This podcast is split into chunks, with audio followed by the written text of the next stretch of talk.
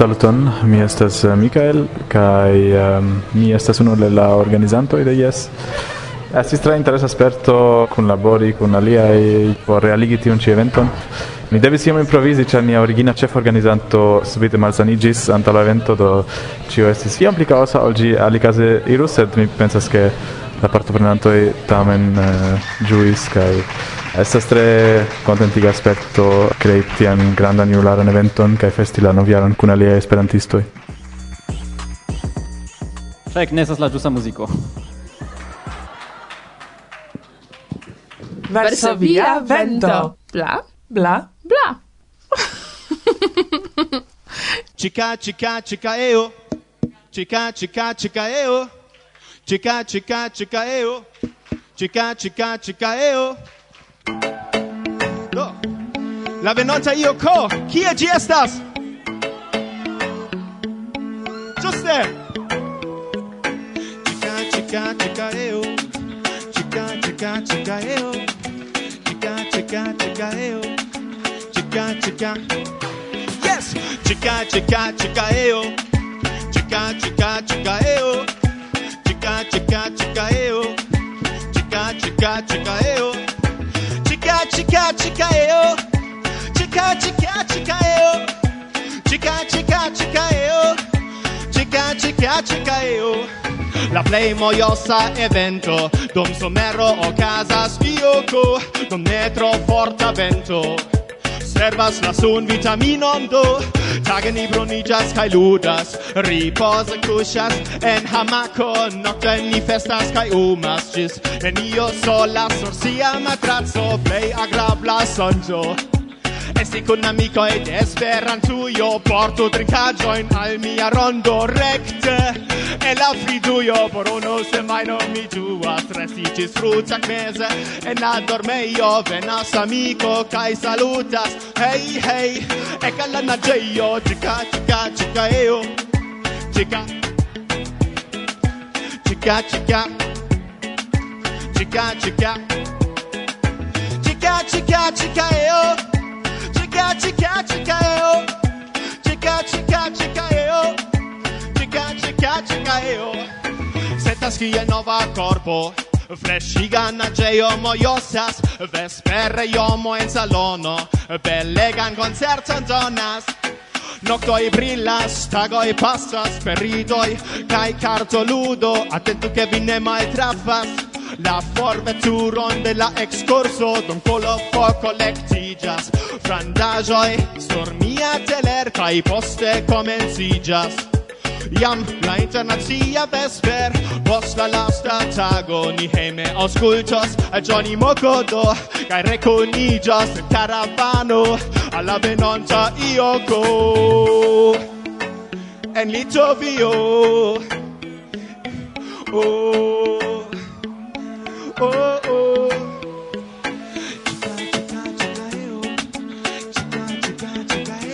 Mi naudas! Chica, chica, chica.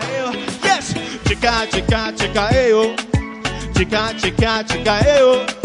Chica, chica, chica, eo. Chica, chica, chica, eo. Chica, chica, chica, eo. Chica, chica, chica, eo. Chica, chica. chica chica eo. Oh. Jes, tiun kantiston, kies koncerto malfermis la semajnan vesperan programon de la junulara Esperanto semajno, ŝajne mi ne devas prezenti al vi. Tre bona sono jes dankal Giovanni, kiu amike helpis registri ciuin koncertojn pere de la miksotablo, por ke ankaŭ vi ilin ĝuu quasau vi estus tie inter ni, en la eseio, proxime de la germana urbeto Storkov. Giovanni Cuneta annonco fine de la programo, auscultu lin nepre. Dankon amico, coran dankon. Kai mi, hmm, sola hodio en la provisora studio, sola char nur mi el la redakcio povis partopreni la eventon. Ala jes, venis cent okdek ses, plej ofte junaj esperantistoj el pli ol dudek landoj, kvankam aliĝis ducent dudek ses homoj. Sed ne ĉiuj aperis kiel kutime. Kelkaj pro malsaniĝo, kiu ne forgesis frapi ankaŭ al la pordo de la aranĝo.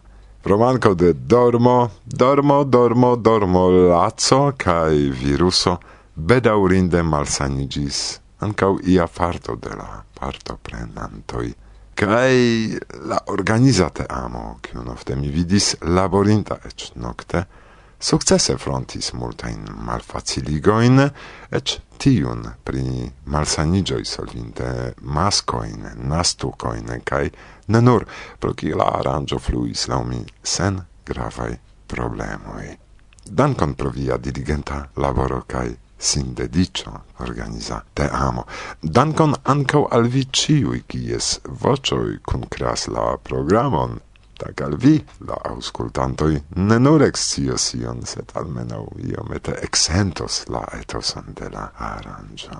Yes. La cent sebdec dua elsendo kiu antau vi estas dedicata antau cio al tiui, qui pro diversae cialoi ofte pro distanco ne povis la junularan Esperanto semajnon partopreni.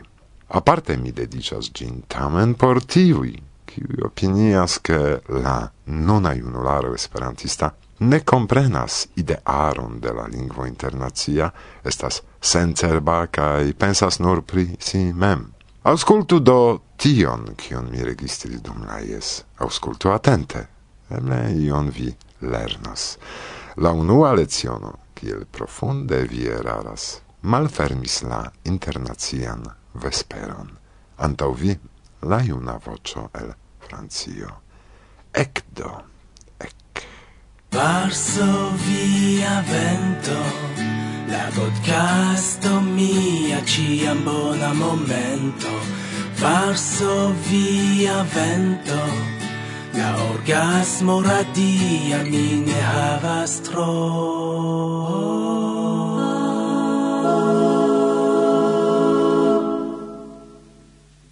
Carae samideanoi, mi ciam havis problemeton pri tiu ci vorto, samideanoi. Mi ofte sentas che malgrau sia bon intenso, gi iom tro malvalorigas la factan belegan varietson kiun oni trovas en ia culturo che gi iam tro reductas nin al homoi sen malsama ideoi au pensoi, nin, la samideanoi. Sed mi credas che nun tempe ni besonas teni tiun ci vorton, apogi nin sur ci, pli ol iam aen dum la lasta iardecoi.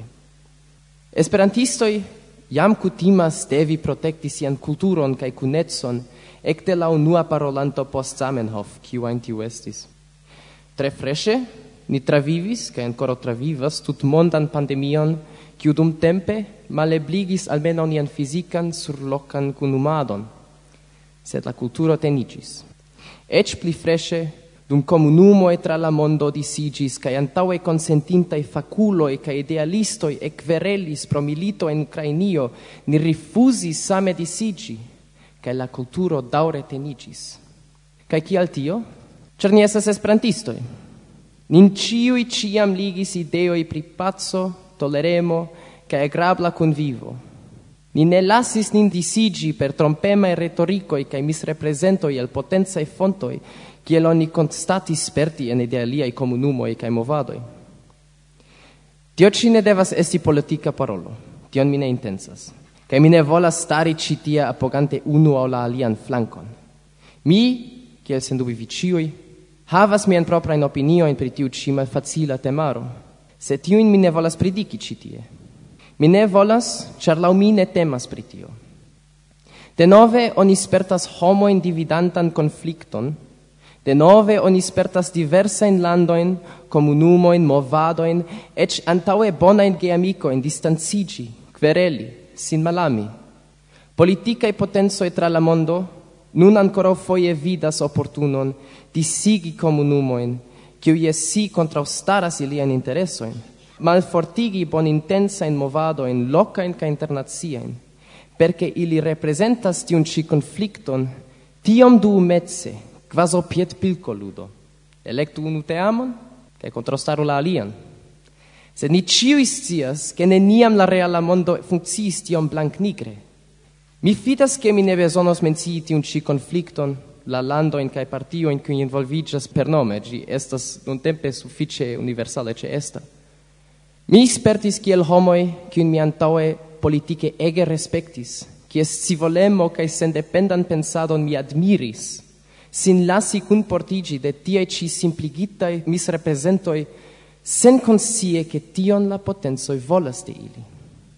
Mi spertis, kiel homoi, kie scion, kai bonan memoron mi blinde fidis, tutte ec forgesis che, exemple, ie mezo de la pasinta iardeco, la generala interconsento en la germana socio estis tutte mala an la nuna. Mi apogis la alian te amon. Ec forgesis, sen consie, che tion la potenzoi volas de ili. Mi spertis kiel antaue fructodone amicetsoi ca lianzoi violente distirigis pro malsamai opinioi, quelcfoie detruante jaroin da laboro, sen conscie che tion la potenzoi volas de ili. Mi spertis cion ci, sed mi fidis che neniam ein tiu ci caoso povus scui ec tushi la bon exemplan cunetson inter miei carai verduloi. Miel revigis. Mi ripeto, Mi ne staras ĉi tie por apogi unu aŭ la alian flankon, kaj se vi interpretas min tiel, vi tute miskomprenis min. Mi staras ĉi tie, ĉar mi ektimis pri mia komunumo, kaj volas nun eviti katastrofon. Ni esperantistoj devus scii pli bone ol la resto de la homaro, ke oni ne decidu kiun flankon en tiu ĉi milito oni apogu, sed ke oni ja decidu inter la flankoj milito aŭ paco. Che por ni esperantistoj tio ne devus esti malfacila decido, ĉu ne? Ĉu ne Esperantio donu al la homaro ekzemplon pri kiom ebla, kiom facila kaj senpena kunvivado inter nacioj, etnoj, religioj kaj kulturoj povas esti? Ĉu ne tiu ekzemplo taŭgas al la nuna priparolata situacio, kie homoj mortigas unu la alian pro malakcepto de tiel komprenataj malsamuloj en la sama loko? Do kia ni lasas nin trompigi de interesoj contrastarai al niai? Kial ni lasas nin scuigi la la volo de tiu au alia registaro, essence kiel neevidentai soldatoi en cascita milito pri informo cae vero? Cer ciu tuia malconsento, ciu antauiugio pri opinioi, ciu foie ciam oni ne plu auscultas, cer la alia apogas la contrauan teamon. Ciu ne giuste pri tio ili batalas, cae mort pafas unu l'alian? Ciu ni, verduloi, esperantistoj, samideanoj, vere volas apogi tian agmanieron, anstataŭ doni pli bonan ekzemplon, kiel ni ĉiam ĝis nun faris. Malkonsentoj ekzistis ĉiam ene de nia kaj aliaj bonintencaj movadoj, sed ili neniam estis kialo por disigi nin, rompi nian fundamentojn kaj rifuzi kun esti je spirito de paco kaj toleremo. Ni usu tiun ci internazian vesperon, tiun ci belegan tradizion nian, por memorigi nin pri cio vere gravas. Ni ne lasu la exteran mondon per siei naziecei interessoi cae retoricoi distiri nin cae detrui cion ni havas. Ni focusigiu pri cio cio ligas nin, antau quereli pri temoi al ni donatae de potenzoi qui intensas maleficigi giuste tiain movadoin kiel la nian, char jes, ni estu ciui samideanoi.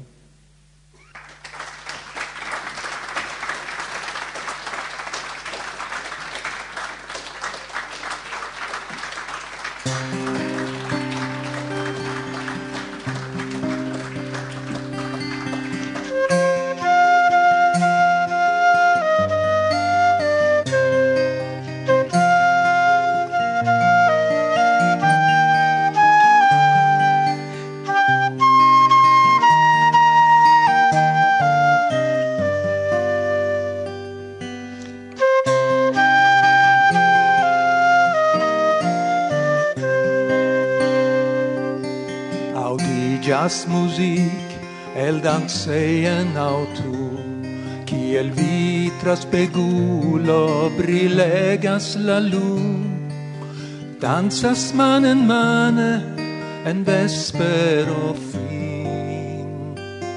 Frederic con Cecilia la iuna fraulin. Fermante loculoin proxime cum tre sekvas lin danse quasau pasas si mem. Vente si sekvas kien ein gvidas li. Sed kial subite rugigias non si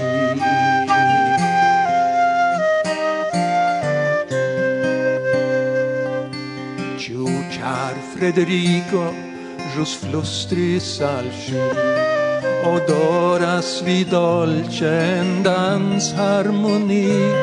Mi adoras vin plene confessas sen hon. O Cecilia virino plei bella en mon.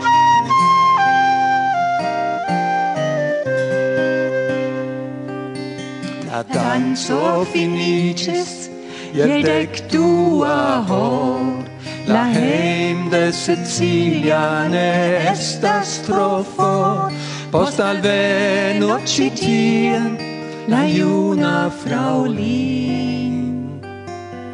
Firme lin petas, kisu nun min. Attentu, Frederico, ne faru gin vi ne tuŝu infanon kio estas ja ŝi flore purega kiel kapreoli mi dek sep jariĝas diras ŝi kun timin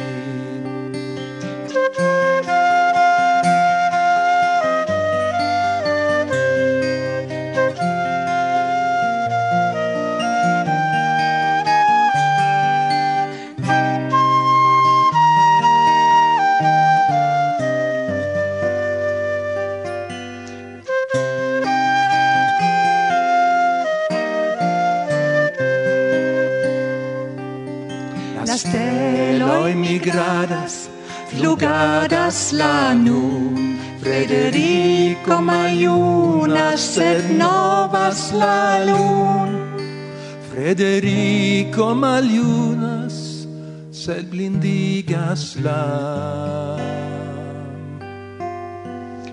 Ho, de nove min kisu, diras Cecilia, ja.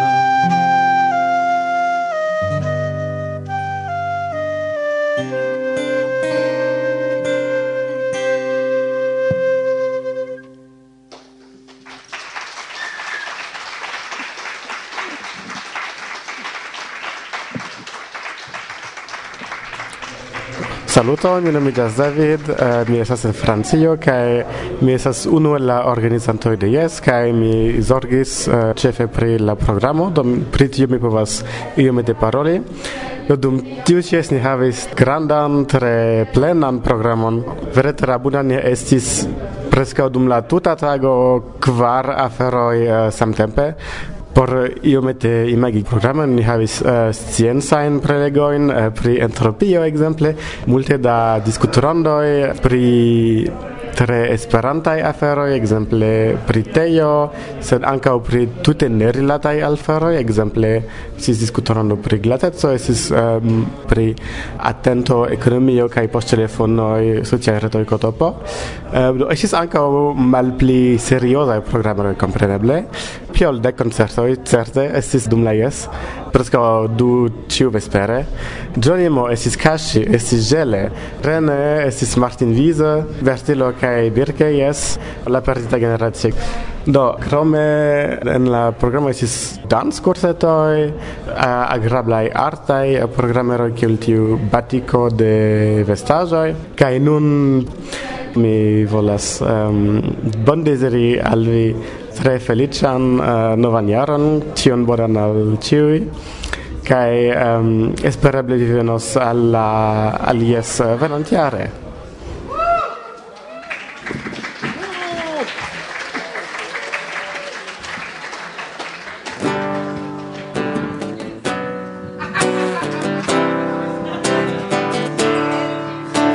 Ca și vine ludii și hierau se ni havas anstataŭanton de la anstataŭanto de la anstatavanto, kiu konas tekston.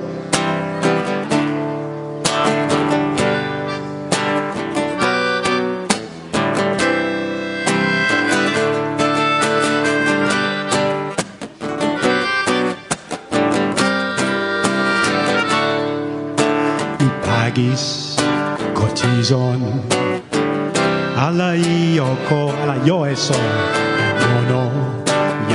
estis bona voyage. Do traine autobuse kai aviadile mi alvenis. Venis congreseie con mia bagage en la congreso mi ekvidis belulinon. Tambis bracumis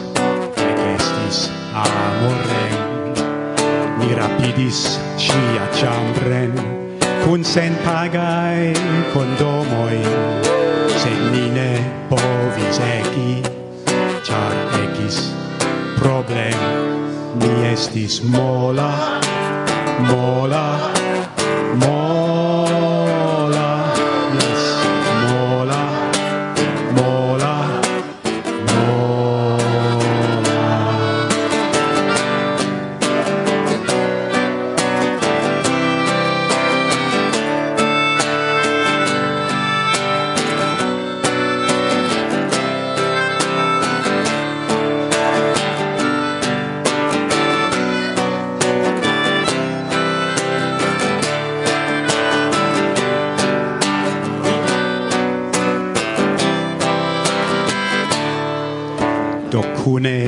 Ni clopodis pri veco de peniso.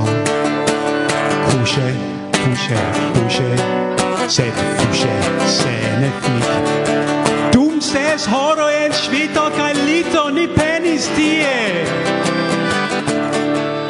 Se cio restis vana Cae restis mi sen Mi restis mola, mola.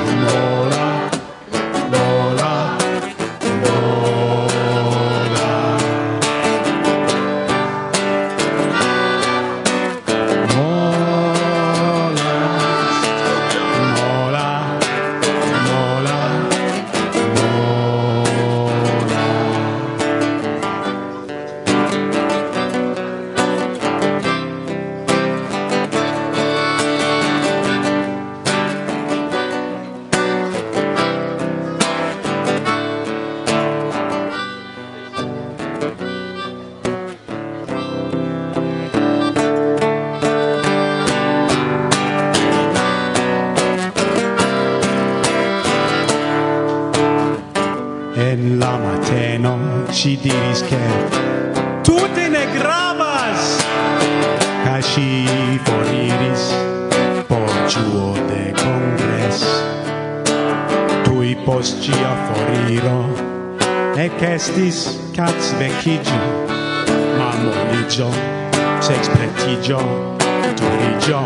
Yes, yes, mi estis malmola.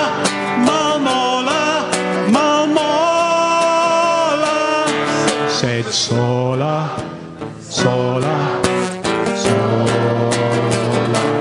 Same malmola malmola malmola. Sola sola sola. Sed felice mi aligis kiam mem zorganto Mi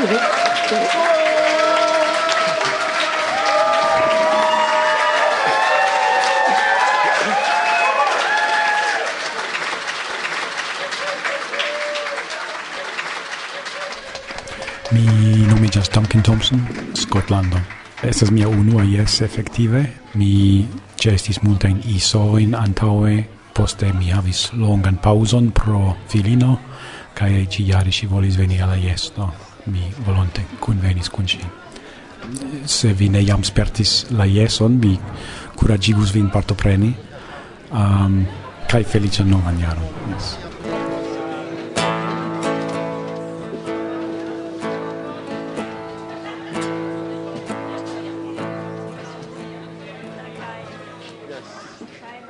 Saluton, mi estas eh, Karina el Brazilo, loĝanta nun en Finlando kai redaktoro de la revuo Kontakto non tempe. Ĝuste ĉar pri Kontakto temus eh, nia mikrofona renkontiĝo en absolute provizora studio ekstere. Karina, kiam vi la unuan fojon ekvidis Kontakton? Mi bone memoras ke tio estis en 2012, char tiam mi aligis al teio por la unua foio kai mia urbeto en Brazilo, kie estas neniu alia esperantisto kaj kie mi sentis min tre izolitan rilate al Esperanto, mi ricevis malnovan numeron de kontakto kai paperan leteron de la tiama prezidanto de Tejo, bonveniganta min al Tejo, mi ne memoras kio exacte estis en tiu numero, sed mi memoras che mi havis la senton che wow la esperanta komunumo vere existas ca estas tiu ci revuo kiu atingas min en tiu ci mia angulo de la mondo kaj do tio esis antaŭ preskaŭ dek du jaroj Do tiam pri kontakto okupiĝis Hojanel. Yes, exacte. Mi pensas ke li komencis okupiĝi tiam antaŭ unu o du jaroj pli malpli, kai eh, uh, atio ne esis la unua foia kion mi vidis kontakton. Ĉar en la antaŭa jaro, en 2011, esis prelego de Hojner pi kontakto en TAKE, tota Tut-Amerika Kongreso de Esperanto. Do eble tiam esis la unua fojo? Estas tion da tempo, ke mi bone memoras. Do mi devas nepre demandi, ĉu Hojner estis taŭga aŭ kontakto? Um, mi ĉiam ŝategis kontakton kaj Hojner ĉiam estis la redaktoro, pli malpli ekde kiam mi ekonis la revon, kaj mi dirus ke li estis taŭgega. Kaj fakte, nun ke mi estis la redaktoro, mi provas pripensi kion Hojner farus, aŭ mi ne scias. Mi vere pensas ke mi kvazaŭ gvidas mian stilon provante simple sekvi kion li faris, ĉar mi vere pensas ke tio estis elstara laboro. Do resumo ni tion uh, sekretan historion, ke estis kontakto kun Hogener. Kaj jes et natura demando, ĉar eh, redakti revuon ja vere estas malfacile subteni kontakton kun tiu, kiu verkas kaj sekvi iun eh, disciplinon, ordon, ĉu ne? Ĉu tio ne estas iom tro por vi? Tio ne estas tro, ĉar ĝuste kiam mi kandidatiĝis, mi estis en momento de mia vivo en kiu mi sciis ke mi havos la tempon estonte se mi estus elektita kiel redaktoron. Fakte kiam Hojener decidis ne plu esti la redaktoron en 2011, se mi bone memoras, mi pripensis tiam kandidatiĝi, sed tiam mi tute ne havis la tempon, do mi ne kandidatiĝis. Kaj nun mi estis en la lastaj monatoj de plentempa labora kontrakto kaj mi sciis ke plej verŝajne mi estus kaj mia estas senlabora ekster Esperantujo kaj miaj studoj nun. Do mi vere dividas mian tempon inter studi la finan kaj labori por kontakto kaj mi laboras eh, pli malpli ĉiutage minimume du tri horoj char kiel vi diris, mi devas uh, komuniki kun la personoj kiuj verkas la tekstojn, kun la grafikisto, devas komuniki kun OEA kaj Teo, mi mem devas lerni la tekstojn kaj sendi ilin al eh, provleganto kaj poste kontroli la provlegadon, sendi al dua provleganto, kontroli denove kaj poste sendi al grafikisto, do jes, estas eh, granda laboro. Kaj malfacila, ĉu ofte vi devas premi homojn kun kunlaboras kun vi? do hiero io demandis eh, tion saman demandon al mi ĉi tie kaj Fakte mi e konsias ke mi estas sufiĉe bonŝanca, ĉar ĉiuj volonte respektas la limdatojn kaj mi ne vere devas premi Mi iris redaktoro antau malmulte da e do mi ancora se sen suffice comenza fazo, sed gis non eble du aŭ tri foio okazis, che mi ne ricevis tekston kiun mi estis attendanta che do limdato iam estis interconsentita sed la persona simple diris, ah, mi malsaniĝis au tiu ci semaine esis iom malbona, ĉu vi povos doni al mi kelkajn pliajn tagojn, kaj tiel ni interkonsentis novan limdaton kaj ĉio enortis. Do mi pensas ke mi estas tre bonŝanca pri kunlaborantoj, do mi alparolis multajn homojn, tion mi agnoskas ke mia fari sufiĉe forte kiam mi ekredaktis la revuon, sed eh, mi pensas ke nun mi havas ege bonan aron de kunlaborantoj. Reklamo. Ĉu ankaŭ vi volas esti informita pri la monda novajoi en flua aktuala Esperanto kaj legi raportojn pri politiko, pri scienco, ekonomio, kulturo kaj multe pli, do petu senpagan provekzempleron. La kontaktadreson de Monato vi trovos en la priskribo. Yes. Falso via vento, bla bla bla.